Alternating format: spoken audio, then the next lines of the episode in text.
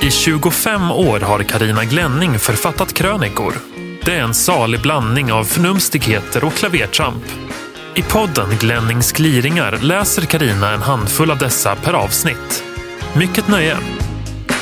Hej gott folk! Välkomna till avsnitt 50 av Glennings gliringar där vi ska prata om ynkryggar och att gubben är väldigt svag i köttet. Bland annat.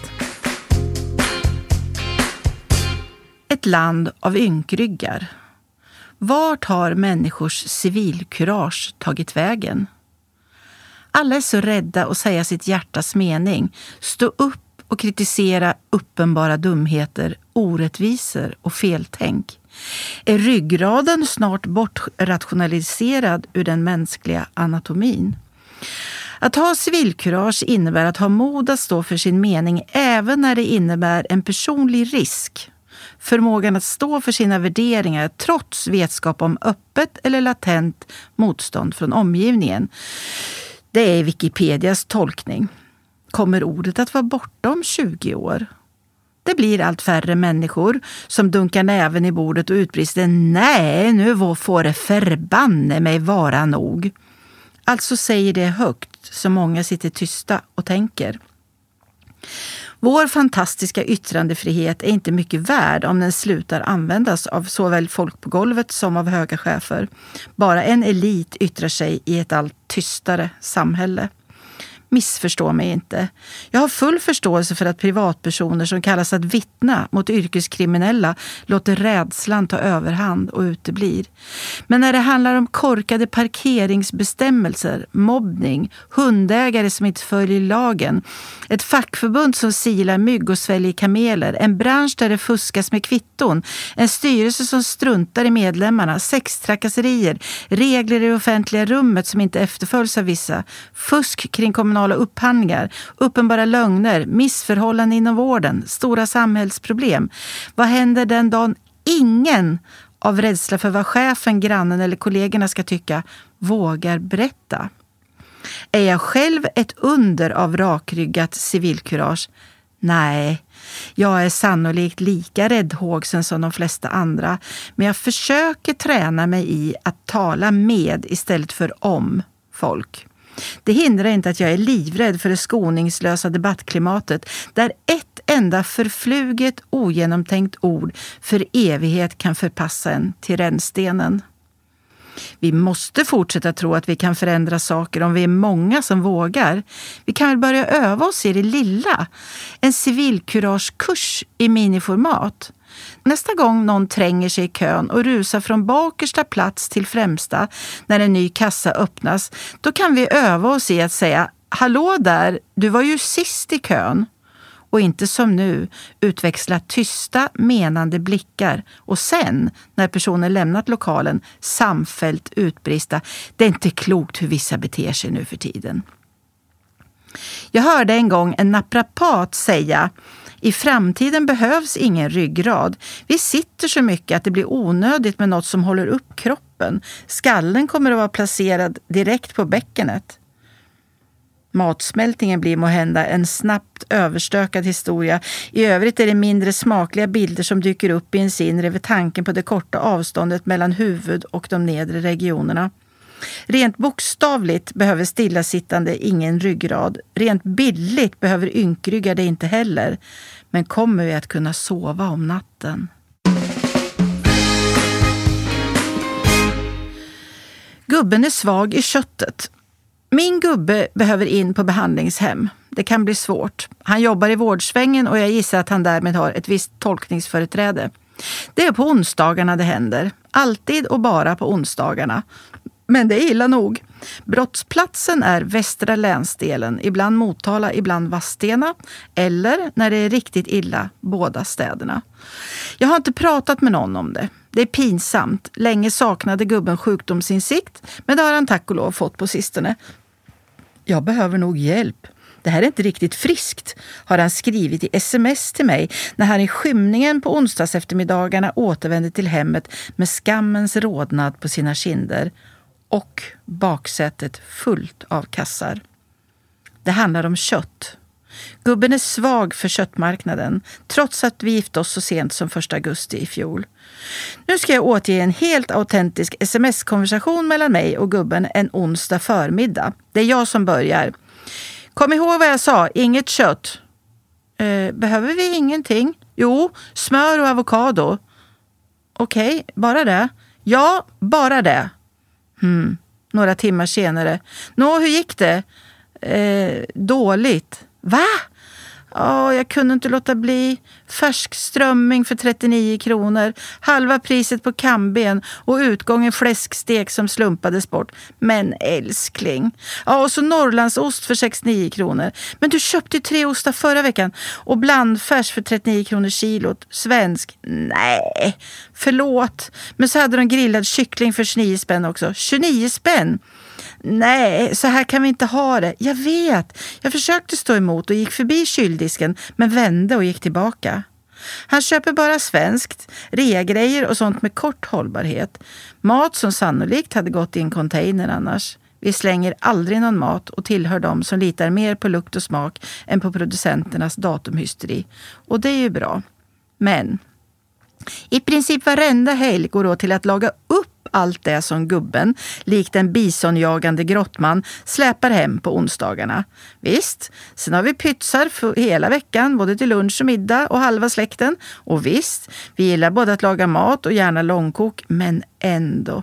Snälla läsare, hjälp en medmänniska.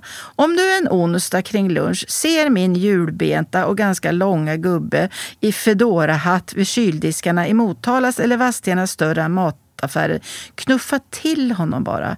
Höj ett varnande pekfinger och säg att det räcker nu. Att han inte behöver fler läggar eller köttben eller strömmingar. Att det är nog. Gör det bara, för min skull. Belöning i form av lätt bedagad fläskstek utlovas härmed. Ge oss nordbor ett årligt pris.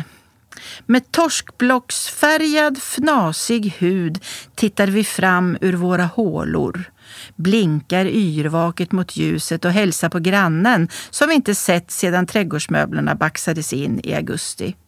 Världssamfundet borde instifta ett årligt pris till oss nordbor för att vi står ut. För hur har vi lyckats akklimatisera oss till dessa livsförnekande betingelser?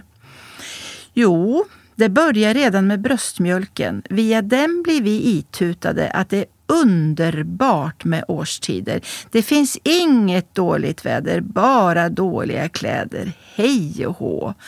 Ungarna skickas i tidig ålder till ur och skurdagis för att hårdtränas i konsten att vara lekfulla och glada trots vertikalt piskande regn alternativt permafrost. Galonisar regnställ är en nationaldräkt och tidigt lär vi oss hur gummistövelsvampiga fötter ser ut och luktar. Pannlampor är en storsäljare. Efter en sån start i livet får vi som vuxna tuppjuck av våren. Bleknosigt vänder vi ansiktena mot de första värmande solstrålarna. Åh! Varje solstund måste tas tillvara nu när vädergudarna äntligen upptäckt att vi nordbor faktiskt existerar. När semestern kommer drar vi likt ett släpvagnsförsett lämmeltåg till byggvaruhusen. Trots att vi har extremt kort tid för utaktiviteter är vi storkonsumenter av tryckimpregnerat trä. Med trädäck stora som halva Gotland när vi en förhoppning om att kunna suga ut ännu mer av de ljusa månaderna varje sommar ska ha sitt eget byggprojekt. När kåken väl är omgärdad av trädäck vill vi ha bubbelpool, utekök, värstinggrill, ännu ett växthus, utegym, en fräck bar, sandlåda till glina, segelduk över uteplatsen, asfalterad skateplatta, bollbana, i tidningen läser vi varannan dag om att hudcancer ökar och varannan dag om hur livsviktigt det är med D-vitamin. Eftersom ungarna sedan späd ålder är vana vid att vara inpackade i gummi större delen av året finner de sig snällt i att bada med heltäckande kläder. Sommaren rullar på och vi flockas runt grillar stora som frysboxar. Vi fixar käk över öppen eld. Ja, det gjorde vi redan på grottstadiet. Men nu har tillagningssättet upphöjts till en exakt vetenskap. Simpla varelser som harvar på med karré och en klotgrill döms ut som amatörer. Vi har picknickar, hårdomgås med grannar och släkt, sitter uppe och njuter av ljumma sommarnätter som ofta är svinkalla, men blir uthärdliga tack vare infravärmen. In ska vi förbanne mig inte. Tjoff! Så är mest semestern slut. Så mycket vila blev det inte. Vi har arbetat som galärslavar och är nu däckade av altandäcksbygge och socialt samkväv som ska räcka hela året. Nu vill vi bara in till soffan i skumrasket. Utpumpade kryper vi in under filten, tänder ljus, eldar i braskaminen och låter huden återfå torskblocksfärgen.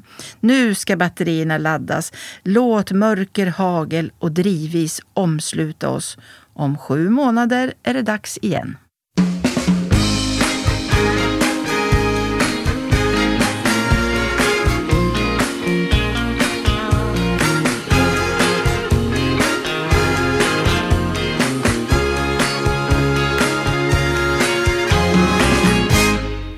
Semester.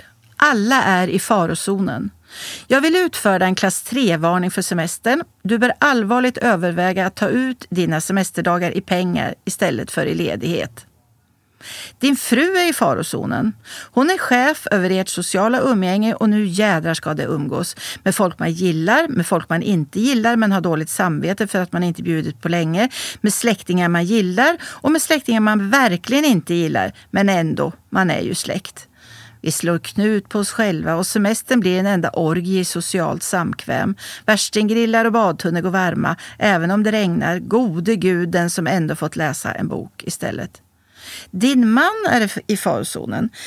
Män inte bara bygger och river väggar, de går även in i dem, särskilt under semestern. Varje år innehåller sitt eget projekt med tryckimpregnerat trä. Det tar aldrig slut. Första året byggs en veranda för att vi vill sitta ute. Andra året förses verandan med tak eftersom vi på grund av svensk sommar vanligaste väderlek, det vill säga regn, aldrig kunde sitta ute förra året. År tre glasas det takförsedda verandadäcket in eftersom vi år två visserligen slapp bli dränkta katter men höll på att frysa ihjäl. År fyra är allt glömt och mannen bygger en ny veranda eftersom vi längtar efter att sitta ute. Dina barn är i farozonen. Barn mår bäst av rutiner, lite ramar som håller ordning på veckorna. Nu ballar du ur fullständigt. De små käkar Ben Jerrys till frukost, cyklar utan hjälm och är uppe till midnatt. De äldre går in i en onobar kokong, är uppe till 04 och sover till 17. Samtliga ungar är uppslukade av sina mobiler och datorer, vilket får föräldrarna att boka en stuga utan el, vatten och wifi för att riktigt rå om varandra. När ungarna inser att livet är tomt och innehållslöst utan uppkoppling transformeras de till rabiata monster som kräver att bli bortadopterade för att inte gå bärsärk eller åtminstone ringa BRIS. Hela familjen är i farozonen. Efter semestern vill vi skilja oss. Att umgås tätt 35 dygn på raken har tagit knäcken på oss eller åtminstone drivit oss till vansinnets brant. Vi har grälat om de mest triviala ting, inte kunnat enas om kvällens marinad, vilka som räknas som släkt inför släktkalaset eller om det verkligen bör stå blomurnor stora som badkar på det nybyggda tralldäcket. Köerna till parterapeuterna ringlar långa efter semestern men tunnas ur i takt med att vi slår oss till ro med dem vi är vana att dagligen umgås och tampas med jobbarkompisarna. Din hälsa är i farozonen. Så fort klockan slagit tolv börjar vi hinka rosévin. Sen blandar vi söta marinader och penslar kött som bränns till en enda cancerogen sörja. Till dig som alltid njuter av semestern. Du är också en fara. Det är inte samhällsnyttigt att bli påminn om att det finns ett liv där ute. Vem tusan vill börja löneslava efter den insikten? Be careful out there. Stoppa tiden precis nu. För vart år rullar livet snabbare för att till slut rusa fram som ett skenande lokomotiv. Jag tänker på ordet längta. Vad gör den ständiga uppkopplingen med dagens barn och deras längtan på sikt? Inte ens i Kolmården tillåts de ha det en smula småtråkigt. I kön till delfinariet ser man dem sitta i sittvagnarna tittandes på tecknad film eller spelandes datorspel. Och vad är väl kalanka på julafton när det finns tecknad film dygnet runt, årets alla dagar. Sydostasien har många bekantat sig med innan de ens börjat skolan, liksom Euro Disney i Paris. Vad finns kvar att längta till? När jag var liten var julaftonens väntan på Kalle och tomten evighetslång. Och minns ni långfredagarna? Allt var stängt, radion spelade bara sorgemusik och vi skulle alla lida. Urtråkigt, men nog nyttigt på sitt och vis. Som 50-plussare däremot går hela våren förlorad om du blinkar lite för länge. Det bor en liten naturromantiker i mig som småverker i bröstet under svensk vår och försommar. Jag blir så gråtmild och skör, fylld av ett vackert vemod eftersom jag vet att det underbara snart är över. På midsommarafton nås crescendot.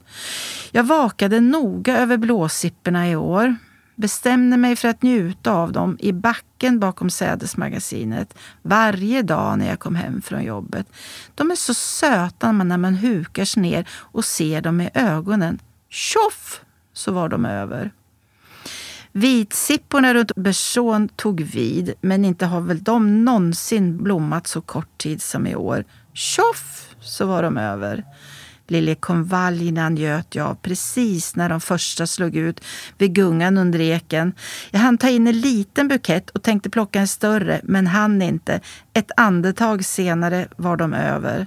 Körsbärsblom och äppelbom som snöar gräsmattan. Och där vissnade syrenen alla redan och lupinerna tog vid. Nu blommar liljorna i rabatten vid den gamla skomakarbostaden som har fått bli gäststuga. Gula, blå och orange. Men de är redan på väg att blomma över. Tjoff, tjoff, tjoff! Tur att dikesblommorna finns kvar länge än. Att längta, vänta och drömma är det fina i livets kråksång och med väntandet följer en viss tristess. Det är bra att ha det tråkigt, annars vet man ju inte när man har det roligt, brukade jag säga när barnen var yngre. Som ung handlade mina drömmar om att få åka på ridläger och att en dag kanske kunna göra en långresa. Idag mer om jasminens doft. För nu, nu står du i blom, du skönaste av sköna. Doften, den där doften. Kanske ska jag ta ut sovsäcken och vaka bredvid dig för att inte missa en enda sekund. Punktmarkera dig, för jag vet ju, ett ögonblick så är du över.